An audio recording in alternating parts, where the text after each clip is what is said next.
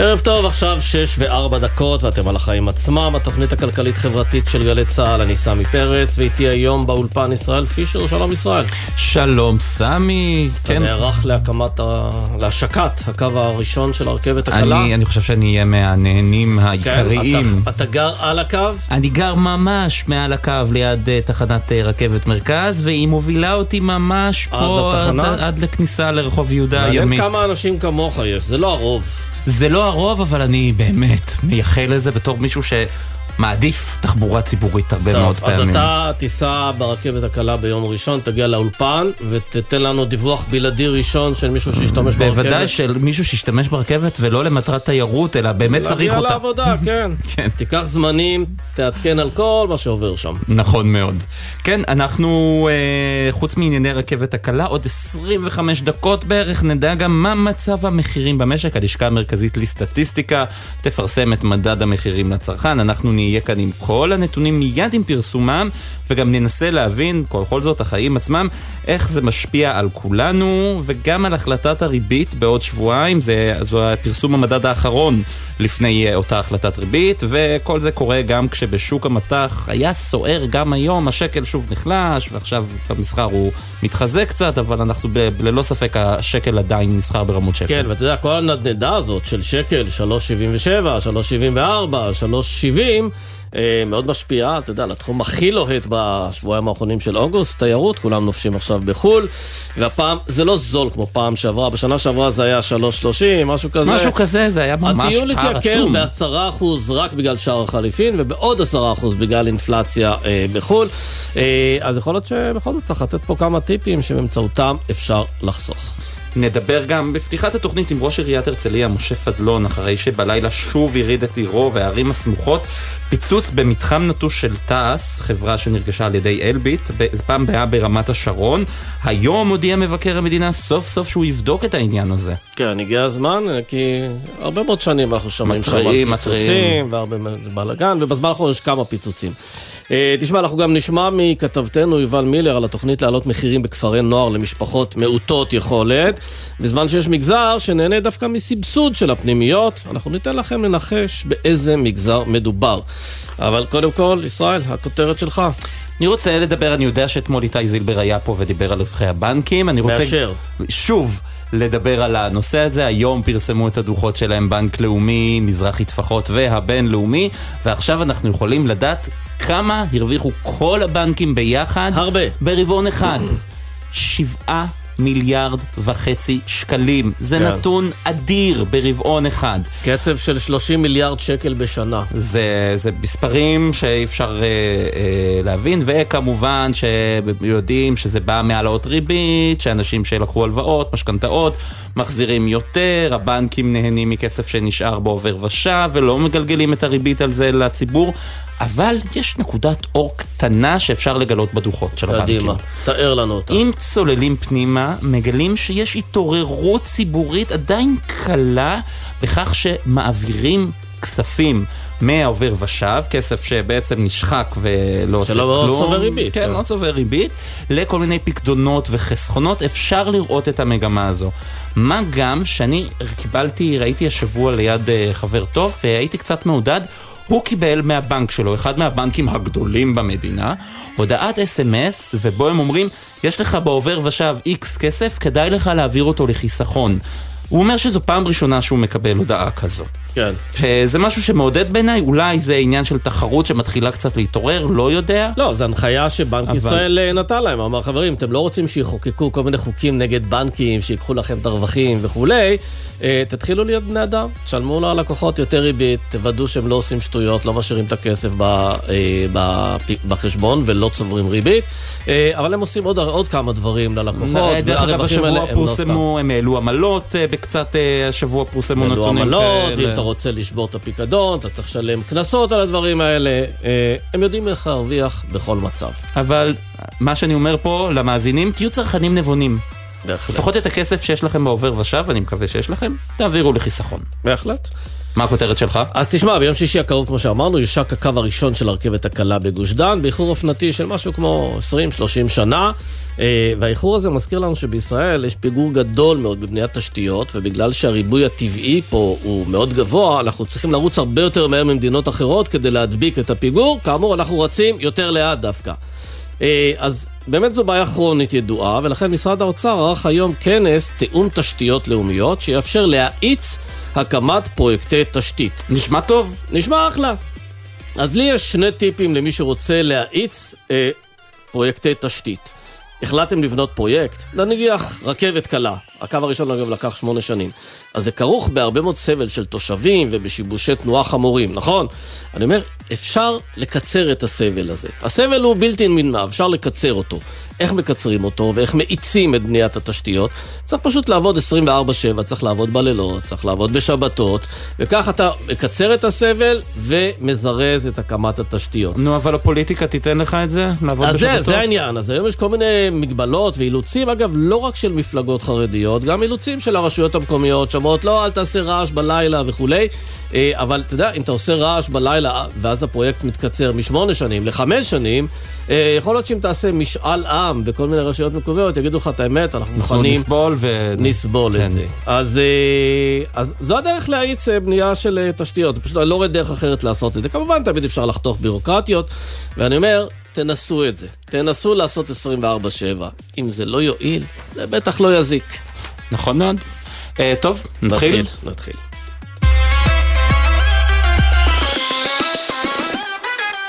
אנחנו מתחילים עם הפיצוץ שהיה הלילה במתחם תעש, רמת השרון, צריך להגיד חברה בת. שלושה פצועים, כן, חברה בת של, של אלביט. כן. שלושה פצועים, מתוכם אחד קשה.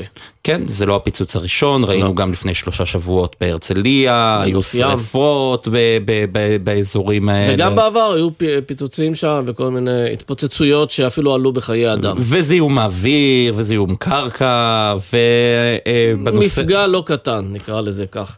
כן, ומבקר המדינה סוף סוף יודיע היום שהוא בודק את הנושא. אז אנחנו רוצים להגיד שלום למשה פדלון, ראש עיריית הרצליה. שלום לך, שלום למאזינים. אנחנו מדברים אה, אחרי שמבקר המדינה הודיע היום על פתיחה בביקורת על מפעלי תעש, היו באחרונה פיצוצים. בעיניך זה לא בא קצת מאוחר מדי? זה הגיע מאוחר מאוד, זה לאחר שפניתי לכל משרדי הממשלה, מראש הממשלה ועד אחרון השרים והמנכ"לים, ואף אחד לא התייחס לזעקה שלי. הייתה לי פצצה מתקתקת בנוף ים, ועל הערב נוספה לי פצצה מתקתקת נוספת מתעש רמת השרון. ואני מזהיר ומזהיר, ואף אחד לא שומע לזעקות שלי. תגיד, אבל לעיריות בח... הרלוונטיות, הרצליה, רמת שרון, אה, גם הוד השרון נדמה לי, יש בכלל איזשהו כוח מול התעשייה הצבאית, התעשיות הביטחוניות? אה, לא, הרי, לא, הרי יש לא... עסקים שאתה יכול לשלול להם רישיון עסק או להוציא להם צו סגירה, פה לא, אתה לא יכול לעשות כלום. לא, הם, הם לא מתייחסים אלינו, הם מקבלים גיבוי מהממשלה, בכל זאת הם משלמים לממשלה תמלוגים, אבל לעצם העניין שלנו, אנחנו מדברים על חומרי נפץ עוטפים. שהם בני 30 שנה, והם כבר התיישנו ופג התוקף שלהם לפני 15 שנה. אותם חומרי נפץ עוטפים פולטים חנקן, אה, מה שנקרא תחמוצות חנקן, והם שגורמות לאותם ריאקציות פיצוצים. אצלנו כבר היו שני פיצוצים בהרצליה, אחד לפני כחודשיים וחצי, השני לפני כשלושה שבועות.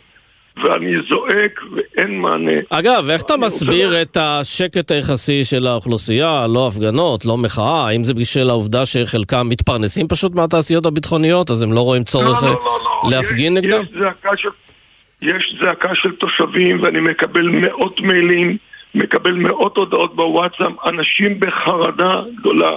מדובר באזורים מאוד מסוכנים, עם חומרי נפץ, עם חומרים מזהמים, לפני כשבוע הופתענו שהגיעו טרקטורים וכלי צמא כבדים והתחילו לעקור עצי שיטה, מכחילה ואקליפטוסים בתעץ רמת השרון.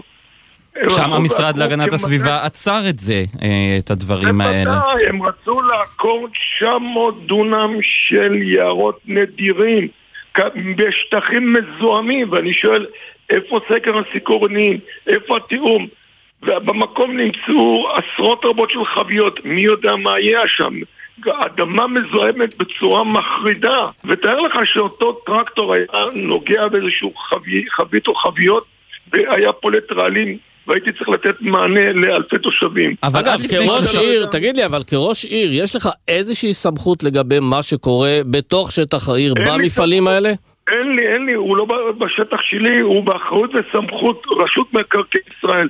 וחמישה משרדי ממשלה מעבירים את האחריות מהאחד לשני. אין עם לדבר. אבל זה ממש בקו הבתים, בהרצליה למשל זה בקו של לא. נווה עמל שם בשכונות המזרחיות. נכון, ובנוף ים זה בקו של אה, תושבי נוף ים, כ-200 מטר מהמקום. אבל עד לפני שלושה שבועות, כשהיה את הפיצוץ הגדול במפעל תעש הרצליה, אני לפחות מודה שלא ממש שמענו על זה, לא ממש שמענו על מאבק שניהלו גם ראשי הערים וגם התושבים נגד האזורים האלה, נגד הזיהום העודף שם ולקריאה לפינוי של השטח הזה בהקדם. אני מודיע לך שאני עירבתי את כל משרדי הממשלה הרלוונטיים, אף אחד לא טרח להגיע לשטח. אני היום החלטתי לפנות לבית המשפט העליון בשבתו כבג"ץ לדון בנושא הזה עכשיו ומיד. לפני ב-2015 בית המשפט הורה את המדינה לבצע סקר סיכונים ועד 2019 השטחים מתוארים. לא נעשה שום דבר. כן, אגב, בעבר דיברו בכלל על העתקת המפעלים הללו לנגב ופינוי הקרקעות היקרות, מאוד יקרות, כדי לבנות למגורים. למה זה לא התקדם? תשאל את המדינה, החליטו לא להחליט, ויש לי עיתונים מ-1992 שאומרים, תעש רמת השרון יפונה שנה הבאה.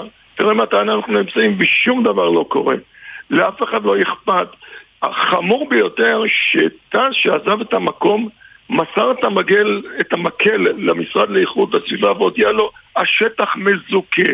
באותם שטחים מזוכים אירעו הפיצוצים, והיום יש עוד עשרות בונקרים מלאים חומרי נפץ, וזו הסכנה שלנו. אתה הבא. מעריך שיש גם סכנה לאירוע רב נפגעים במקומות האלה? המקומות לא מוגנים, לא, לא ערוכים לזה? בוודאי, הבעיה היא לא רק חומרי הנפץ הנפיצים, אלא תעלות הביוב שלהם, ששם שפכו את כל הקוקטיילים למיניהם, את כל החומרים המזהמים.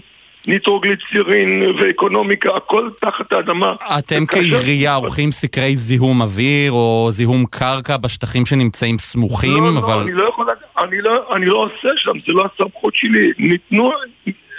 ביצעו מספר בדיקות, אבל זה לא אחריות והסמכות שלי. בעבר אבל כן לזה. מצאו בעיות במים, אה, נדמה לי ברמת השרון, ש, שזוהמו כתוצאה באמת מאותם חומרי נפץ שהוטמנו באדמה. ברמת, ברמת השרון סגרו את כל בארות המים בגלל אה, זיהום.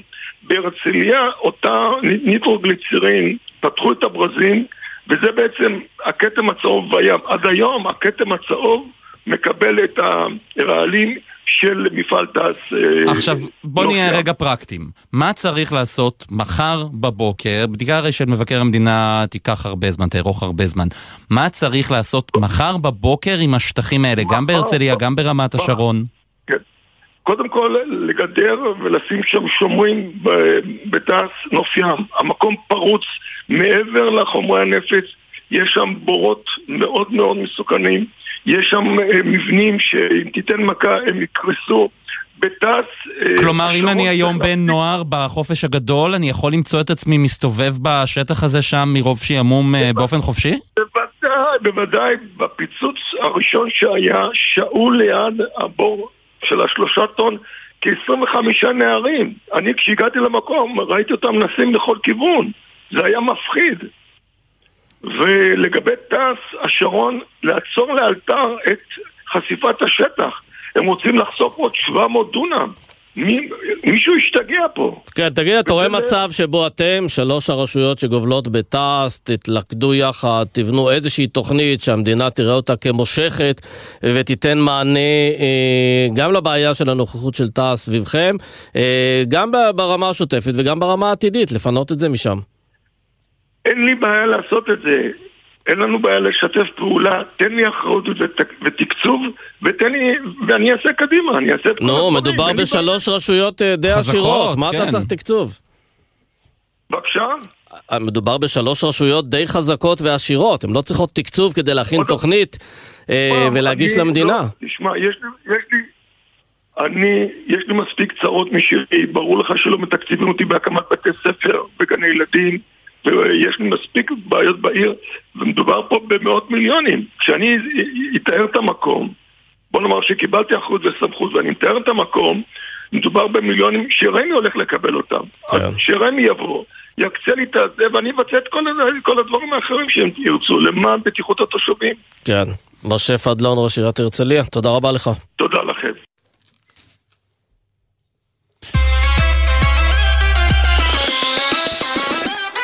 ישראל, האר את עיניי, מה זה פרויקט חשמל תמורת מים? לישראל יש בעיה, אין לנו מספיק שטח שאפשר להקים בהם פאנלים סולאריים, לייצר חשמל ירוק. לירדנים יש, יש בעיה, אין להם מספיק מים, יש להם אבל הרבה שטח, ולנו יש כרגע מספיק מים עם מתקני ההתפלה. אז, אז אנחנו נותנים להם מים והם נותנים לנו חשמל? הם נותנים לנו שטח שאפשר לה, אה, לעשות שם חשמל ירוק טוב, בעצם. אז בוא נבדוק אם זו עסקה טובה. איתנו חן הרצוג, כלכלן ראשי של BDO, שלום. שלום רב.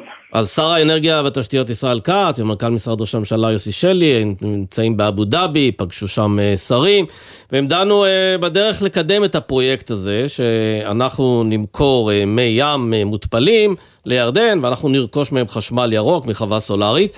מה שלא מסתדר לי בכל הדיל הזה, זה למה אנחנו צריכים לרכוש חשמל סולארי מירדן, לנו לא חסר שמש. לא חסר לנו שטח, שמש, אבל מה שכן חסר לנו זה שטחים.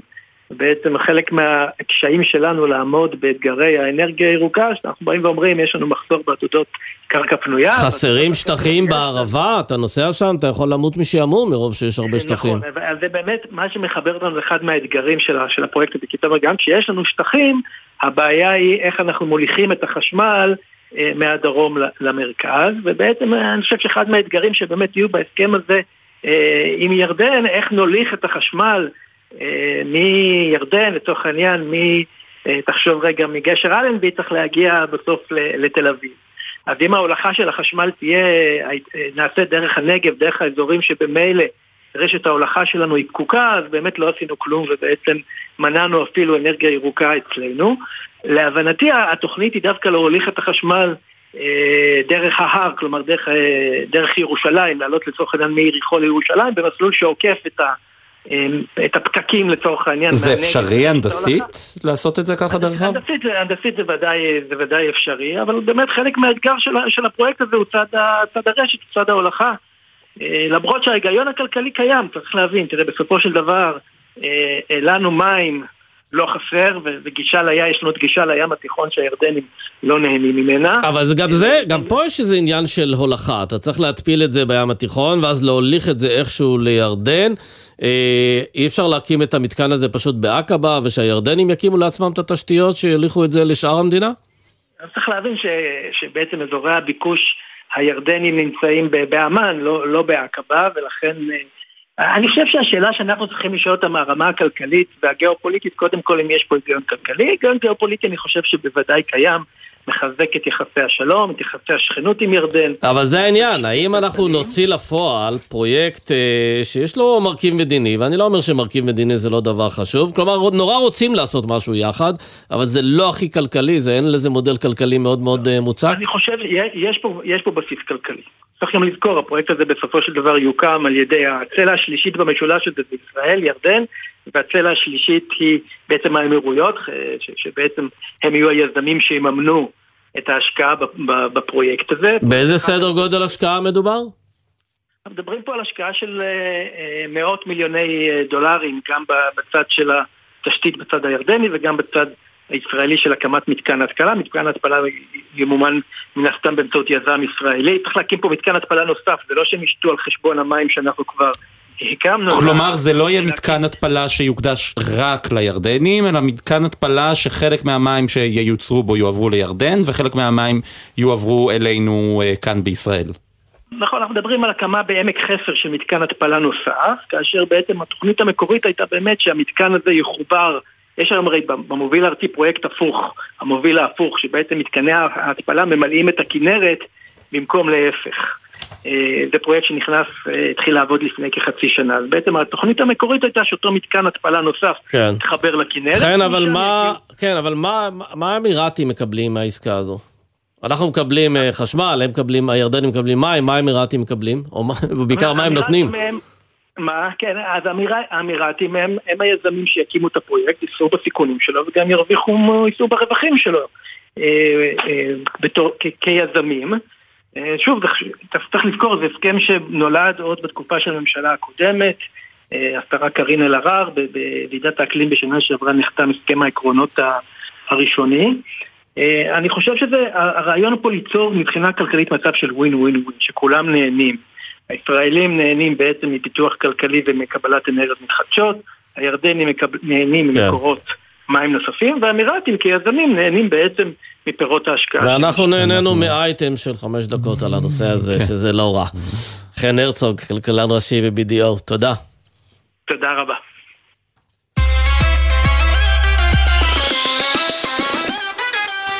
שים לב לסיפור הבא. כן, כן.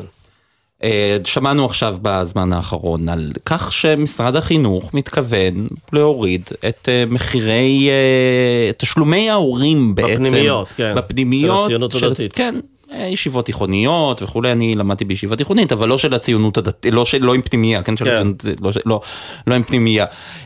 וזה באמת, תשלומי ההורים שם, אני יודע, מאוד מאוד מאוד גבוהים, אבל מורידים שם את המחיר.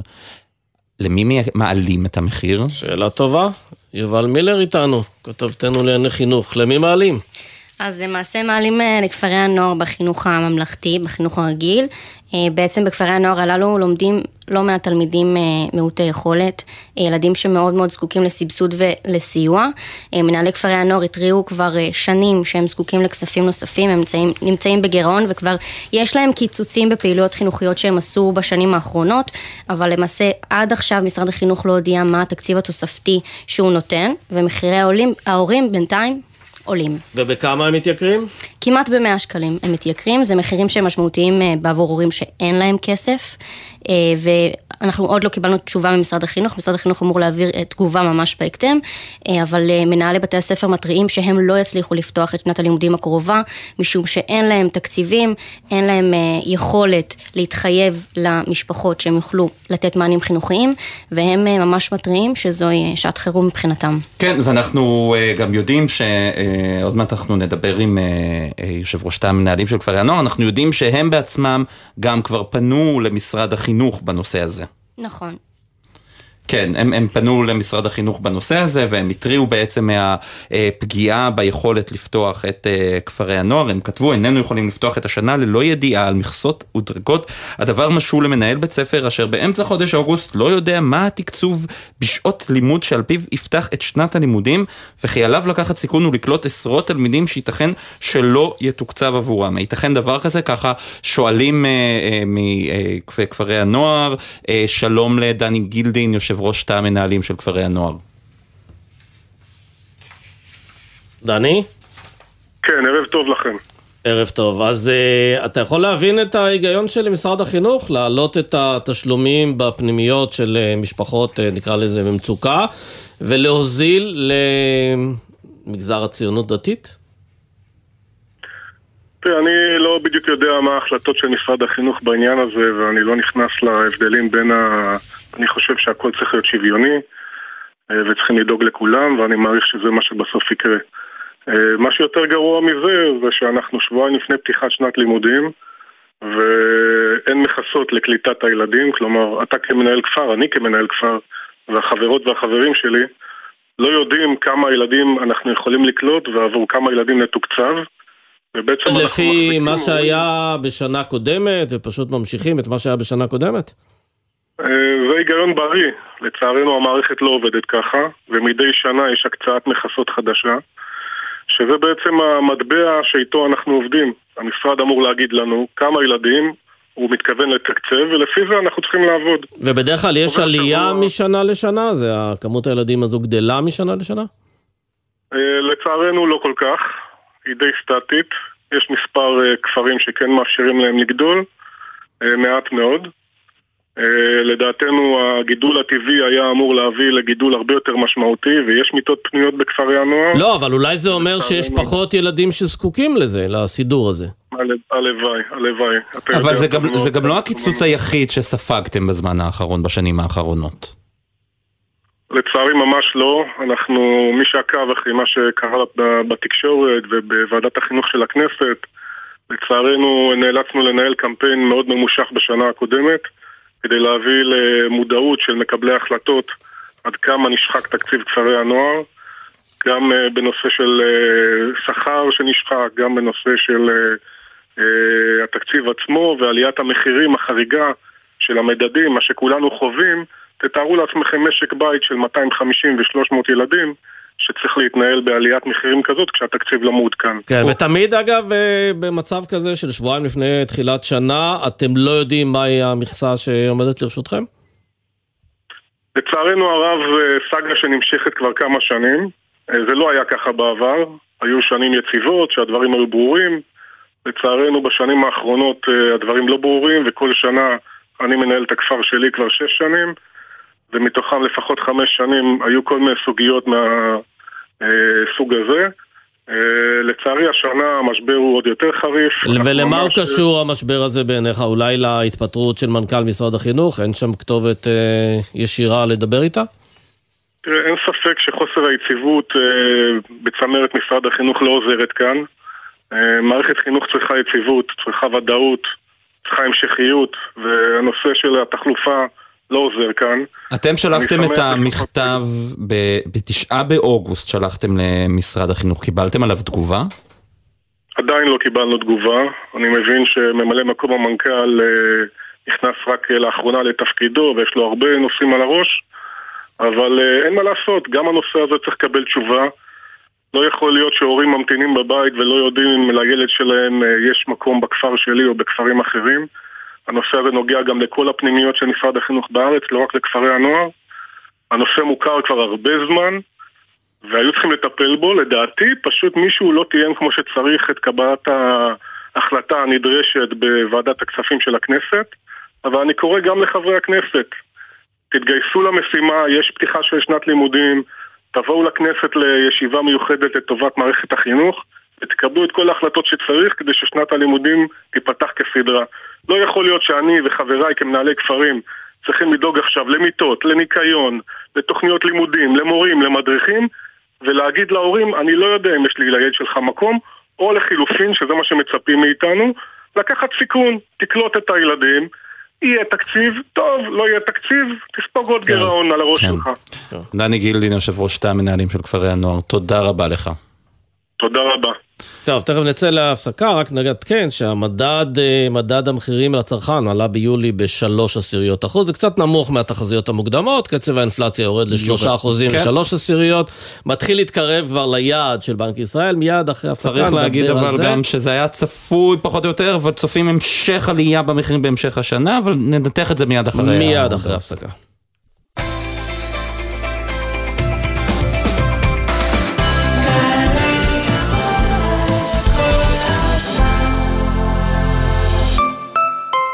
בטח שמעתם עלינו. האגף והקרן לחיילים משוחררים במשרד הביטחון. המקפצה שלך לאזרחות. אבל חשבתם פעם למה אנחנו... המקפצה שלך לאזרחות. זה משום שאנחנו מציעים הרבה יותר ממענק ופיקדון אישי. גם לימודים, הכשרות ומלגות וגם ייעוץ אישי והכוונה. אז היכנסו לאתר שלנו, תנו לנו להיות... המקפצה שלך לאזרחות. שומעת? זה כאן. דיור בהנחה, תחבורה מעולה, התחדשות עירונית אחראית. איפה אתה?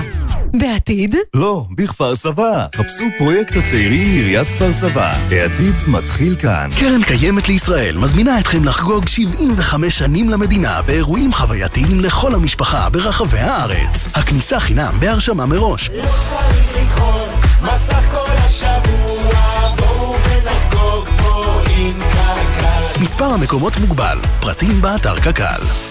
חוויית קיץ עוצרת נשימה מגיעה לנמל תל אביב. פסטיבל האורות. עשרות מיצגי ענק מוארים ומרהיבים בחגיגה לכל המשפחה. שישה עד שבעה עשר באוגוסט, בימים ראשון עד חמישי, משש וחצי בערב ועד אחת עשרה בלילה. הכניסה חופשית. מומלץ לבוא בתחבורה ציבורית. לפרטים אתר נמל תל אביב. פברואר 2010, דניאל יובל ומשפחתו יוצאים לטייל. עשינו קרב כדורי שלג, אבא שלי אמר לי בואו נרד למטה, ואז אמרתי לו נשאר עוד חמש דקות, ואז ממש צעד אחרי שאמרתי את זה אז דרכתי על מוקש.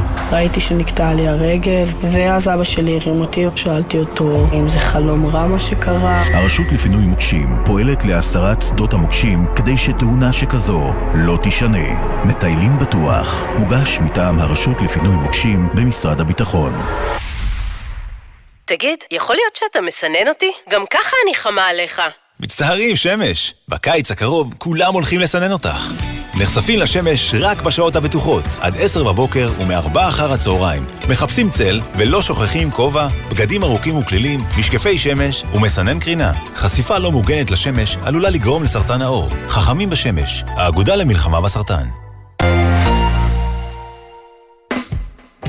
שלום, כאן יואב גינאי. המוסיקה ברדיו גרמה לי להבין מגמות בחברה שלנו. הסרט האחרון שראיתי בקולנוע לימד אותי על הכלכלה שלנו. והצגת התיאטרון האחרונה שעלתה לחצה לי על הנקודות הכי בוערות במדינה. כי זוהי תרבות, המראה הכי חדה לחיים שלנו. ולכן, בכל שישי בבוקר אני שואל, מה יהיה בתרבות? מה יהיה עם יואב גינאי, שישי, תשע בבוקר, גלי צה"ל. עכשיו בגלי צה"ל, סמי פרץ וישראל פישר.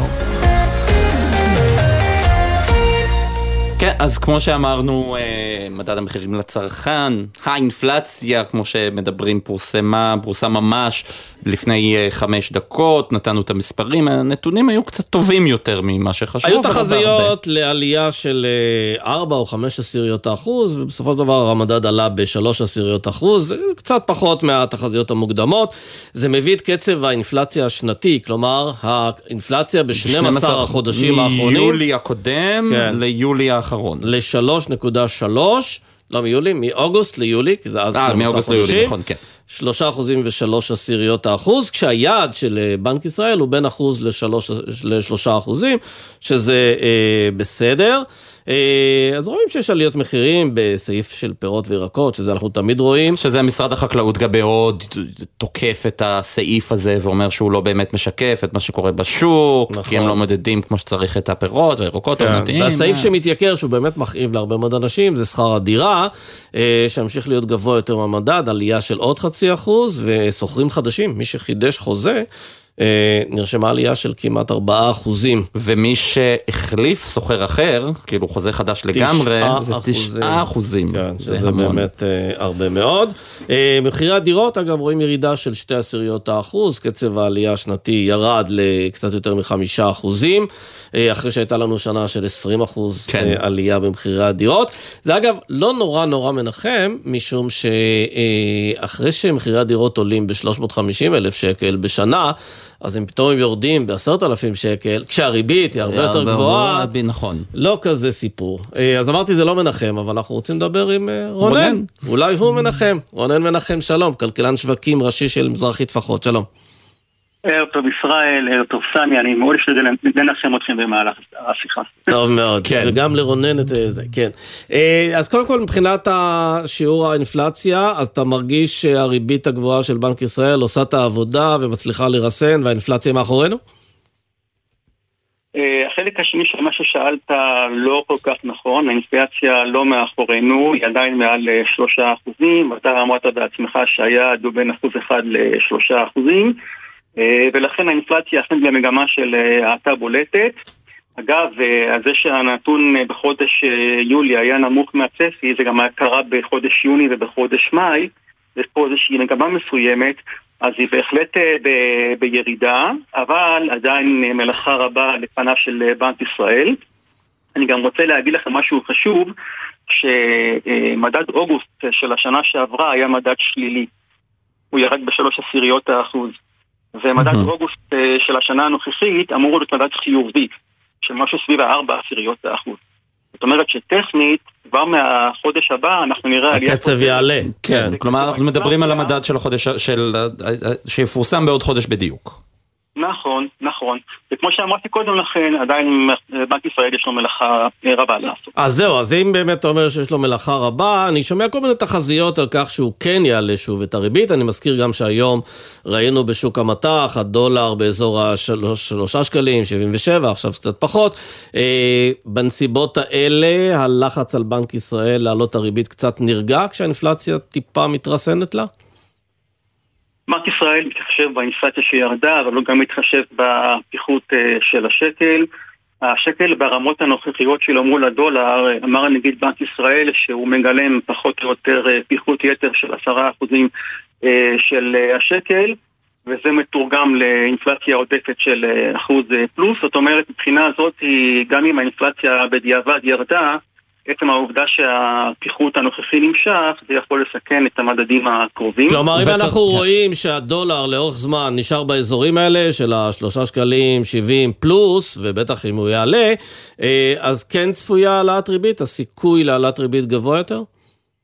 הסיכוי קיים, בהחלט קיים. בנק ישראל, אגב, יפרסם יחד עם הודעת הריבית שלו בחודש ספטמבר תחזית חדשה, ובה הוא ירמוז לגבי אה, מסלול הריבית אה, גם מהמשך השנה וגם אה, בשנה הבאה, לכן הסיכוי בהחלט קיים, ויש להוסיף לחשבון הזה גם את מחירי המזון ואת מחירי הנפט שחזרו לעלות. מחירי הנפט שירדו עד לאחרונה קיזזו מהמדד, גם כאן, גם בעולם. אם הם חוזרים לעלות ומחירי המזון חוזרים לעלות, אז זה עוד לחץ כלפי מעלה שחוזר בחזרה לאינפלציה. ומה אנחנו רואים ב, בימים האחרונים גם, uh, בעיקר uh, אתמול והיום, את uh, מסחר במטח שהוא קצת משתגע, וזה בא דווקא אחרי דוח חיובי של פיץ'. מה קרה היום למשל לדולר מול השקל? זה היה 24 שעות מאוד מרתקות. כשהדוח של פיץ' פורסם והתברר שהם לא מורידים את הדירוג ואת אופק הדירוג הניטרלי, אז uh, מטבע הדברים גורם אי ודאות שמאוד הכביד uh, על השוק המסך. בשבועיים האחרונים ירד, ולכן ראינו את השקל מתחזק ל-3.68. אבל רק למשך שעה, כן? הדוח הזה הספיק להחזיק שעה, כן. נכון, למשך כשעה, ולאחר מכן ראינו התחזקות של הדולר בעולם כתוצאה משנאת סיכון יותר גוברת בשווקים, מכל מיני סיבות. למשל היום ראינו אה, אה, אמירה של פיץ' שיכול להיות שתהיה עוד הורדת דירוג לבנקים מארצות הברית. אה, נתונים אה, מסין היו נתונים יחסית שליליים וסין היא גורם חשוב בכלכלה הגלובלית. במצב כזה אנשים אה, רוצים לקחת פחות סיכון אז הם קונים את המטבע, את, את הדולר שהוא מטבע שנחשב מטבע חסר סיכון, חוק מבטחים. אז ראינו את השקל נחלש גם מול, אה, מול הדולר וגם האירו נחלש מול, מול הדולר ככה שיש פה רכבת הרים, חלק קשורה לגורמים מקומיים בתוך המשק, בעיקר החקיקה המשפטית, המצב הגיאופוליטי, וחלק קשור גם למה שקורה לדולר בעולם. אגב, יכול להיות שזה גם קצת קשור לכך שזו עונת הנסיעות, והרבה אנשים מצטיידים במטח ונוסעים לכל מיני מקומות וקונים הרבה? זה יכול להיות קשור, זה גורם שהוא גורם אה, עונתיות אה, שמשפיע על המדד, אבל אנחנו מסתכלים בדרך כלל על המגמה של המדד, וזאת מגמה של עלייה. וגם אם לוקחים בחשבון את המדד uh, בניכוי uh, מחירי הסחורות שבנק ישראל לא שולט בהם, אנחנו רואים עלייה שהיא יותר גבוהה מהעלייה של המדד עצמו, וזה עוד סיבה למה אמרתי בראשית דבריי שבנק ישראל יש לו מלאכה יחסית uh, רבה. כן, תגיד לי, כשאתה מסתכל על מה שקורה, על ההשלכות של מדיניות הריבית על שוק הדירות, אז רואים שם שבאמת עליות המחירים נרגעו, יש אפילו ירידות קלות של עשירית פה, שתי עשיריות שם. השאלה, אבל... בדרך כלל המצבים האלה של ריביות גבוהות גם גורמות לכך שהיצע הבנייה קטן. כי קבלנים לא רוצים, אתה יודע, להיתקע עם פרויקטים רבים שהם לא מכורים, והשאלה אם זה עניין זמני. אז uh, בדוח שהזכרת קודם לכן של פיץ', שהייתה התייחסות גם לנושא של התחלות בנייה, כגורם uh, סיכון אינפלציוני ל-2024. מה שאתה אומר זה נכון, ובאופן כללי אני יכול להגיד לך שמחירי הדירות בסוג של האטה, בקצב העלייה שלהם גם בישראל וגם בעולם, אבל עדיין לא במידה מספקת כדי לגרום למחירי השכירות לעשות עצירה או קצת להירגע. אנחנו רואים עדיין את מחירי השכירות בעלייה של כ-7% לשנה. תיקח בחשבון שסעיף אה, שכר הדירה מהווה כמעט 26% אה, למעשה מהמדד הכללי, ותבין לבד שהתרומה שלו לאינפלציה היא תרומה מאוד מאוד גבוהה. אגב, זה מאוד שונה ממה שראינו פה הרבה מאוד שנים, שדווקא מחירי הקנייה של דירות אה, עלו ועלו ועלו, ומחירי השכירות היו יחסית אה, יציבים, ועכשיו אנחנו במצב הפוך, שמחירי הקנייה מתחילים להתייצב, אבל מחירי השכירות ממשיכים לזנק. איך אתה מסביר את הפער הזה? אה, שוב, יש את הנושא של התחליפיות. אה, מחירי הדירות עלו עד אה, לפני כמה חודשים בקצב דו-ספרתי, וכתוצאה מזה הגיעו כנראה שוכרים או משקי הבית למסקנה שכרגע אין להם חלופה אחרת מלבד שכירת דירה. אני מעריך שככל ואם וכאשר קצב העלייה של מחירי הדירות והעלות ימשיך לרדת, אז אלמנט התחליפיות יתחיל לפעול יותר טוב, ואז לרגע מעתה בעליית אה, סעיף שכר הדירה. דיברנו על זה שלבנק ישראל יש עוד הרבה מאוד עבודה, אבל הוא נתון ללחצים מצד אנשי המגזר העסקי. הנה, בתגובה למדד אה, שפורסם, אה, יושב ראש נשיאות המגזר העסקי כמובן אומר שאסור להעלות שוב את הריבית. עד כמה הלחצים האלה של אנשי המגזר העסקי צריכים להטריד את מקבלי ההחלטות בבנק ישראל? אבל אני אגיד לך שני דברים. קודם כל, אה, בנק ישראל הוא גוף אה, עצמאי, ואם אני שוב חוזר לדוח אה, של פיץ', אז באחד מגורמי הסיכון שם מצוין שיש לשמור מכל משמר על העצמאות של בנק ישראל, זאת נקודה אחת שחשובה. והנקודה השנייה, בסופו של יום לבנק ישראל יש מנדט לשמור על יציפות מחירים, הנגיד חוזר על כך מדי חודש. והוא דיבר בעבר על נחישות רבה של בנק ישראל לעשות כל מה שצריך כולל עוד ריסון כדי לשמור על יציבות מחירים. יציבות מחירים היא משהו שיועיל למשק לטווח הארוך, ולכן אני חושב שבנק ישראל יהיה טולרנטי ללחצים מהסוג הזה, ואם יחשוב שהריבית צריכה לעלות אה, פעם נוספת, חמישה אחוזים, אז הוא לא יהסס ויעשה זאת. כן. רונן מנחם, כלכלן שווקים ראשי של מזרחי טפחות, תודה רבה. תודה רבה וערב טוב. טוב. אז עכשיו נדבר על אה, חופשות ועל אה, יוקר מחיה לא פה, שם. שם. כן. אנחנו, אני לא טס לשום מקום. אה, גם אני לא הזה. טס כרגע, כן. בטח לא באוגוסט, אני רוצה ליהנות פה מהמזג האוויר הנפלא. אה, מה זה כן. נפלא? כן. ואנחנו רוצים לצרף את עינב קרנר, כתבתנו לענייני צרכנות ותעופה, ובכלל. היי עינב. שלום לכם ישראל וסמי. תשמעי, הרבה אנשים שמתכננים חופשות ומסתכלים על מה שקורה בשוק המטח, כזה, אתה יודע, פתאום mm-hmm. בשנייה, ביום אחד, מחירי החופשות שלהם נכון. מתייקרים. אז אה, ממה שאת אה, שומעת ועוקבת ורואה, אה, איך זה משפיע על אה, צריכת החופשות, הנדנדה הזו? אז תראו, קודם כל מי שעכשיו מתכנן להזמין, לק... אה, סליחה, לא לקיץ, אה, לחגי תשרי, אז כמובן שזה כן משפיע עליו, כי אנחנו רואים אה, עלייה מאוד חדה בשער הדולר ב...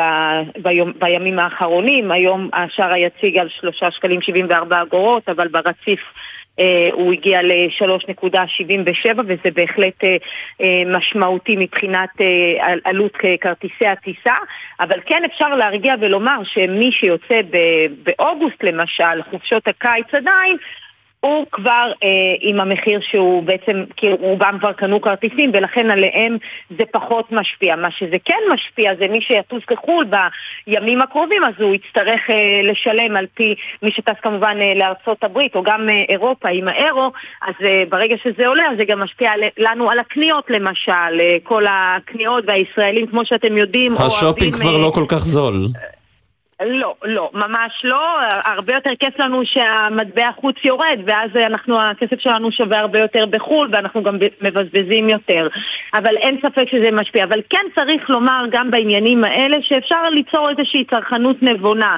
זאת אומרת, בזמן שאנחנו רואים שיש איזשהו שפל של המטבעות חוץ, אז לקנות, או אפילו לעשות חשבון כזה או דולרים, או של חשבון אירו, ואז בעצם הכסף כבר נמצא בחשבון שלנו, ובעצם כשאנחנו רוצים לשלם, כמובן מי שיכול להרשות לעצמו, לא כולם יכולים להרשות את זה, אבל מי, שיכול, מי שכבר טס, אז עדיף באמת לעשות חשבון מטבע חוץ, ואז את הכסף משלמים ישירות מאותו אה, חשבון מטבע חוץ, ואז גם אם הדולר עלה או האירו עלה וירד, אז זה פחות פחות משפיע עלינו כי זה כבר נמצא שם וקנינו את זה בערך אה, מסוים. וצריך לזכור לא שכל זה... פעם שאנחנו משלמים, גם בכרטיס אשראי וגם או שמושכים כסף מכספומט, אנחנו משלמים עמלת המרת מטח, זה לא שהכסף יוצא נכון, בחינם רגיל. נכון מאוד, נכון מאוד, ולכן צריך הרבה פעמים גם לשקול, תראו, הרבה יותר קל לנו להתנייד עם הכרטיס אשראי, לרובנו יש כרטיסי אשראי, ואז אומרים, טוב, אנחנו נשלם בכרטיס אשראי, ואז אה, מה שנקרא ראש שקט.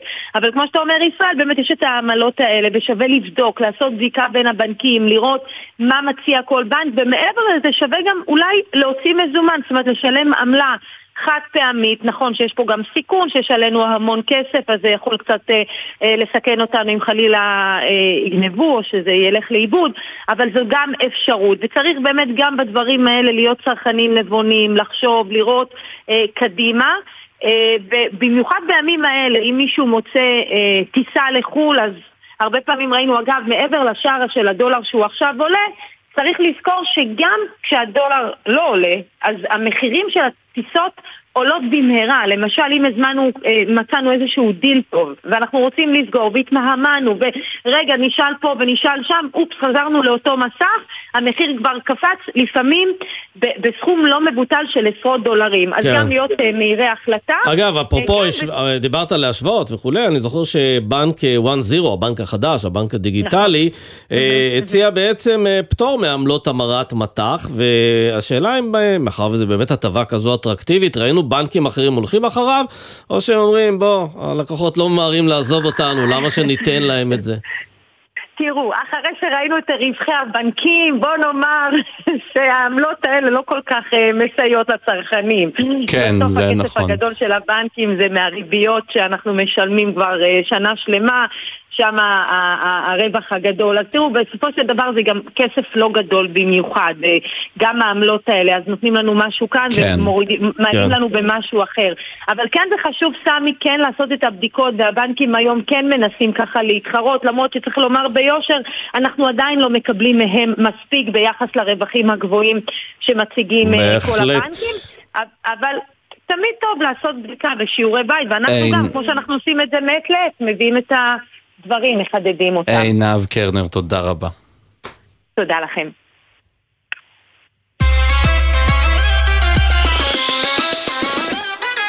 ועכשיו לרוסיה. צרות של אחרים. צרות של אחרים. שחר קנוטובסקי כתבת חדשות החוץ. מה קורה ברוסיה? כן, אז אה, נתחיל בעצם מההתפתחות האחרונה בנושא הזה היום. בצהריים הבנק המרכזי של רוסיה העלה את הריבית מ-8.5% ל-12% כדי אה, להתמודד עם השפל שאליו הגיע הרובל אתמול, שהוא בעצם הנושא שהגענו אה, לדבר עליו. דולר אחד היה שווה אתמול 101 רובל. זה הערך הנמוך ביותר שהמטבע הרוסי הגיע אליו מאז מרץ 2022, ממש רגע אחרי תחילת המלחמה עם אוקראינה, בערך 17 חודשים. פוטין אמנם מתעקש כבר כמה חודשים שלעיצומים שהמערב מטיל יש השפעה מאוד מאוד קטנה על הכלכלה במוסקבה, אבל המצב בשטח מראה אחרת. ערך הרובל ירד ב-35% רק מתחילת שנת 2023.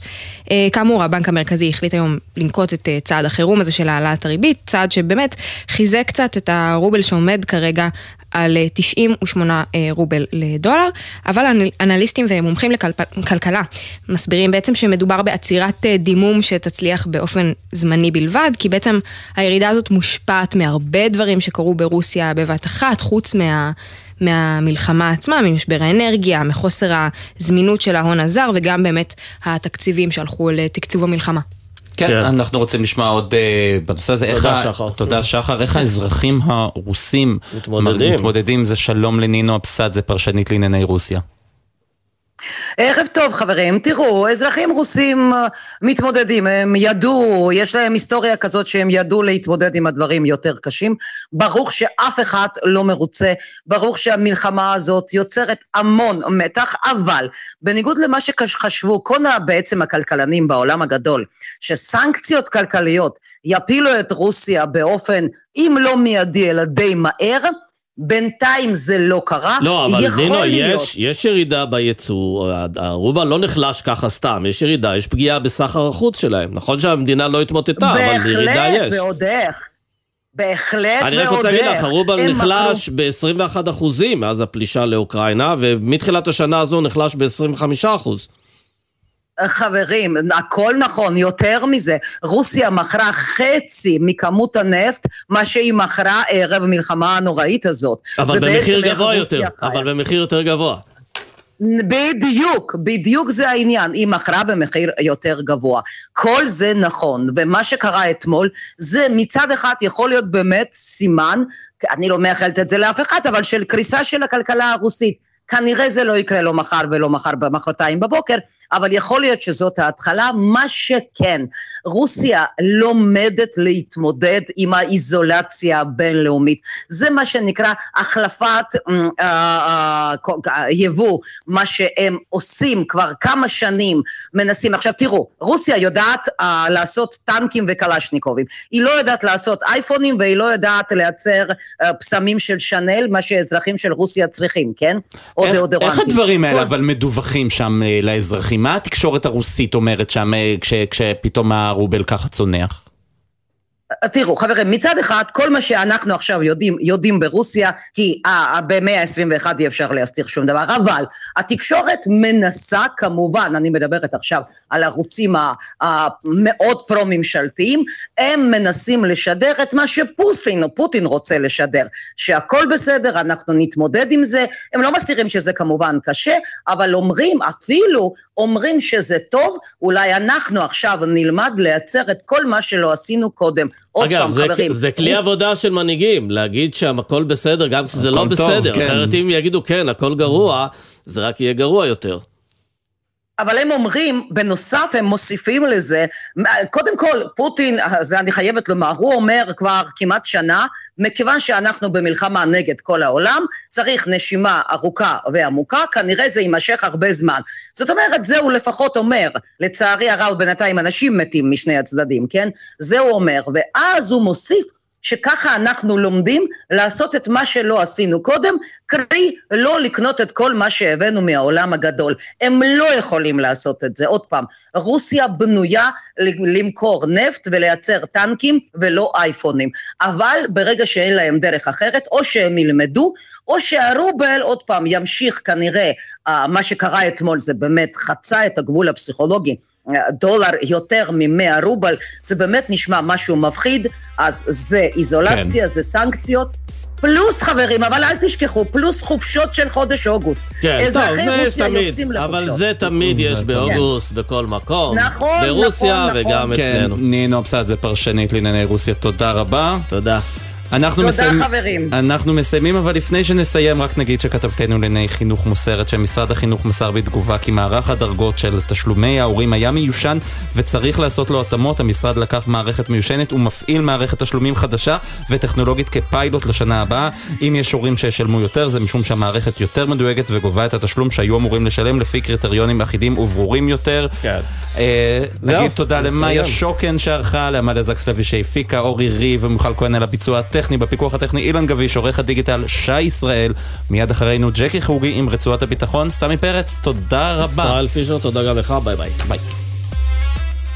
בחסות רשת ביתילי, המציעה הטבה של אלף שקלים לקניות במחלקת עיצוב והלבשת הבית. לרוכשים בחמשת אלפים שקלים ומעלה בסניפי ביתילי. השנה, שנהיה לשזלונג ולא רק לספה. בחסות אייס, המציע לכם לרגל שיא החום את מבצעי שיא הקיץ. כמו מערכת רחצה עם חמישה מצבי זרימה שבמבצע ב-199 שקלים. אייס.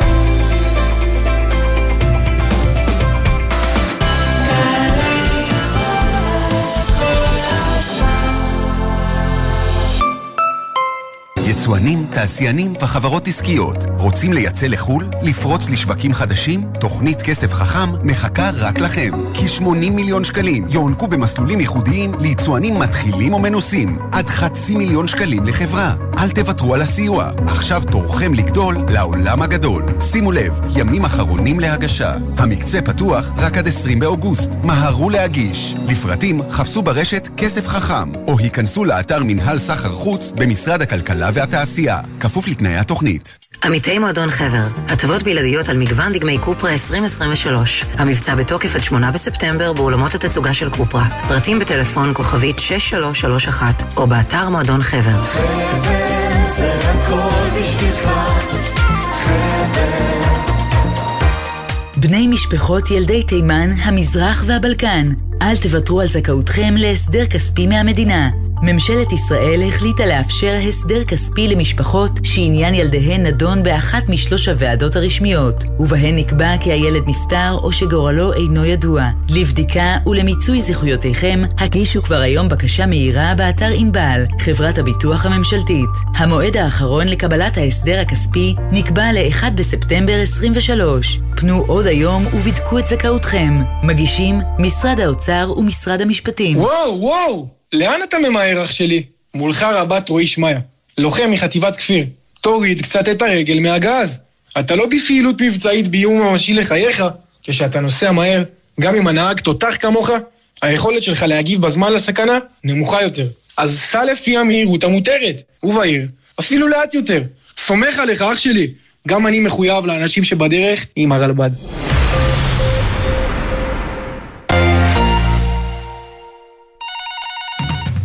נתן, אתה זוכר שבשישי יש לנו שידור ואנחנו נפגשים ברכבת הקלה? כן, יודע, אין בעיה, רק באיזו תחנה ניפגש. של הרכבת הקלה. לא, כן, אבל באיזו תחנה? ממש על הרכבת הקלה. אודה, את מוכנה בבקשה לענות לי איפה ברכבת הקלה? נתן, חזון אחרית הימים, אנחנו משדרים ברכבת, בקרון.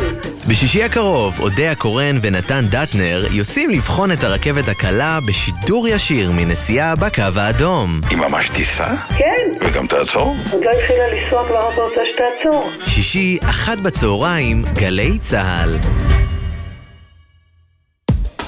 מיד אחרי החדשות